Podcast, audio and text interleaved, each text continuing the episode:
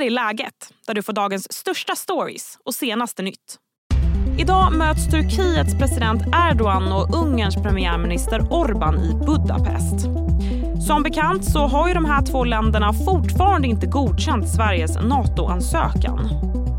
Hur mycket av en slump är det att det handlar om just Turkiet och Ungern?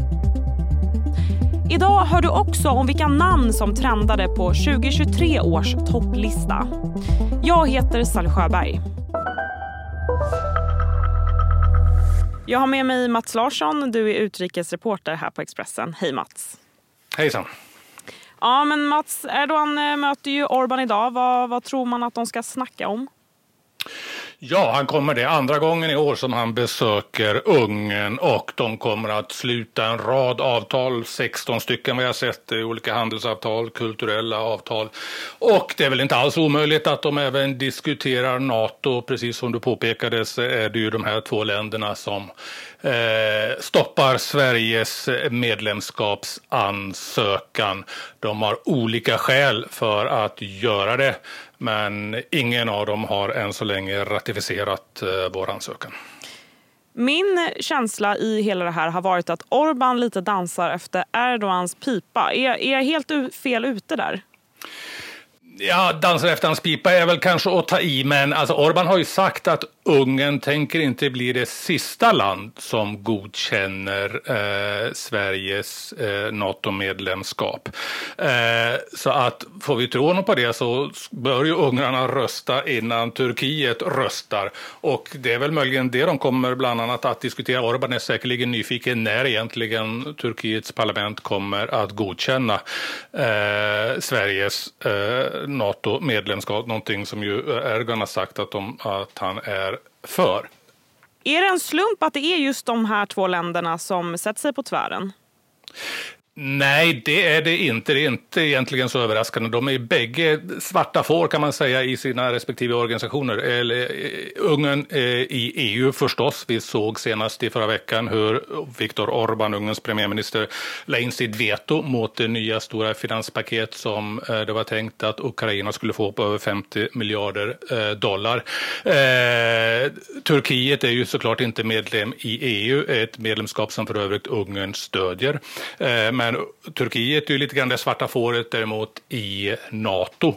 Turkiet under Erdogan köpte exempelvis avancerade sovjet eller ryska luftvärnssystem i, i någonting som USA definitivt inte var för och har också goda relationer med Putin det har ju faktiskt också Ungern som också lite grann trots allt svart får i, i Nato ur den synvinkeln. Ungern agerar inte som de andra i vad gäller inställningen till kriget i Ukraina. Och eh, Viktor Orbán träffade ju faktiskt eh, Rysslands president Vladimir Putin så sent som i oktober under ett möte i eh, Peking. Frågan är ju då hur de här två ländernas relation ser ut. Jag ska fråga dig det Mats, men först blir det en kort nyhetsuppdatering. Det har varit en intensiv natt av bombningar i norra Gaza som rapporteras ha tagit över hundra liv.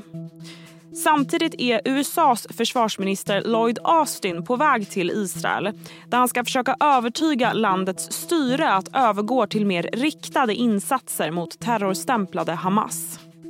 Frankrike, Storbritannien och Tyskland sällade sig under helgen till de länder som kräver en vapenvila med hänvisning till de höga civila dödstalen och det enorma lidande som rapporteras från Gaza. Israels tio veckor långa krig mot Hamas har förvandlat stora delar av Gaza till ruiner och uppges ha tagit mer än 18 700 palestinska liv.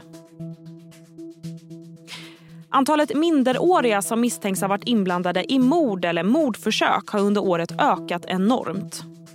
Fram till och med november i år så handlar det om så många som 307 unga i åldrarna 15 till 17 år. Det rapporterar SVT Nyheter.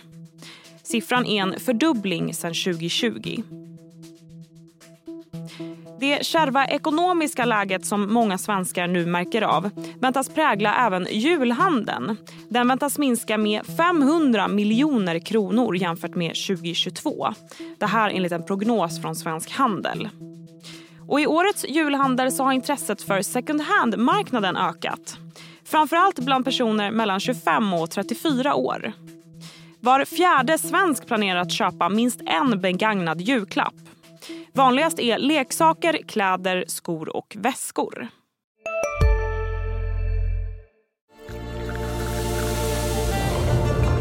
Välkommen till Maccafé på utvalda McDonalds restauranger med Baristakaffe till rimligt pris.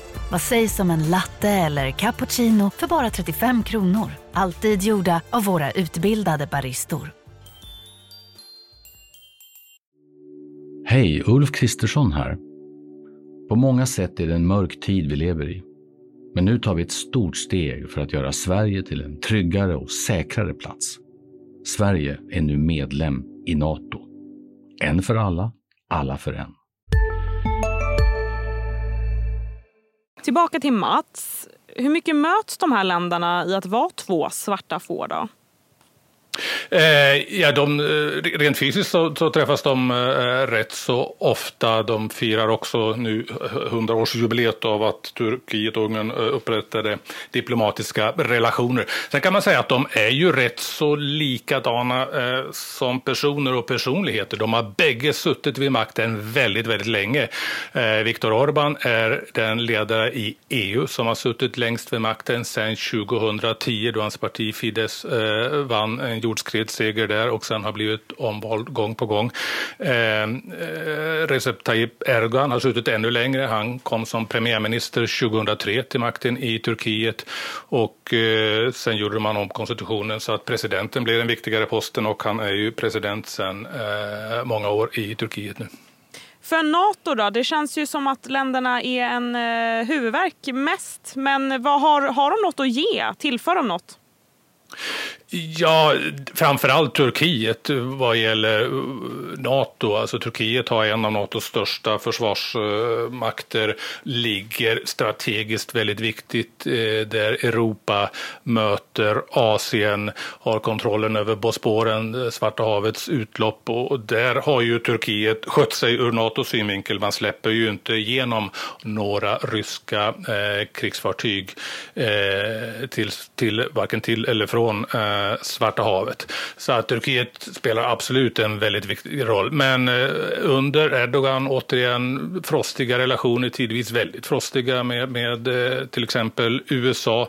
Eh, Beslutet att köpa ryskt luftvärn ledde ju till att USA stoppade exporten av eh, moderna F35-plan, någonting som eh, Turkiet gärna ville ha. Nu vill man istället ha F16-plan, eh, moderniserade F16-plan. Och det, det är ju det som hela tiden har varit en del av spelet vad gäller Sveriges medlemskapsansökan. Och idag då när Orban och Erdogan möts, tror du Orban försöker eh, övertala Erdogan att planen inte är så viktiga eller vad, vad tror du sägs? Nej, det tror jag inte. Alltså, Ungern, är ju, Ungern har ju egna skäl till att som de säger för att inte ha röstat igenom det svenska EU-medlemskapet. Ungern tycker att eh, Sverige är ett moraliskt överlägset land som predikar och underminerar relationerna till Ungern. Eh, de är sura på den hårda kritik som har kommit från svenskt håll vad gäller eh, hur Orban och Fidesz har underminerat den ungerska demokratin och man vill ju ha samtal egentligen om detta och egentligen att Sverige skulle be om ursäkt. Men återigen samtidigt, Orban har sagt att vi kommer inte att bli det sista land som godkänner Sveriges NATO-medlemskap och håller han sitt ord där så kommer han, Ungern i så fall att rösta eh, innan Turkiet röstar. Men återigen, för tillfället är det oklart i bägge länderna när en sån omröstning kommer att äga rum. Vi håller utkik vad som händer idag. Tack så mycket Mats. Tack, tack. Och härnäst i läget så hör de årets namntrender. Cornelia Tomasson på magasinet Mamma har grävt i siffror och snackat med en namnforskare. Jag ringer upp henne, men först så blir det fler nyheter. Allt fler unga tar automatkörkort istället för manuellt körkort. Sen 2013 så har antalet automatuppkörningar ökat kraftigt och man ser en särskild ökning de senaste två åren. Under 2022 så var det ungefär hälften av 30-åringarna som körde upp med automatväxlad bil oavsett var i landet man bodde. Hej, Synoptik här. Hos oss får du hjälp med att ta hand om din ögonhälsa. Med vår synundersökning kan vi upptäcka både synförändringar och tecken på vanliga ögonsjukdomar. Boka tid på synoptik.se. Om du vill döpa ditt barn till Alma så är du kanske mindre speciell än vad du trodde. Det vill nämligen många föräldrar. Det visar årets preliminära namnstatistik från Skatteverket. Vad gick hem i år och vad hänger kvar till 2024? Jag har med mig Cornelia Thomasson. Du är redaktör och reporter på tidningen Mama. Hej Cornelia. Hej Sally. Ja, men varför är Alma så poppis just nu Cornelia?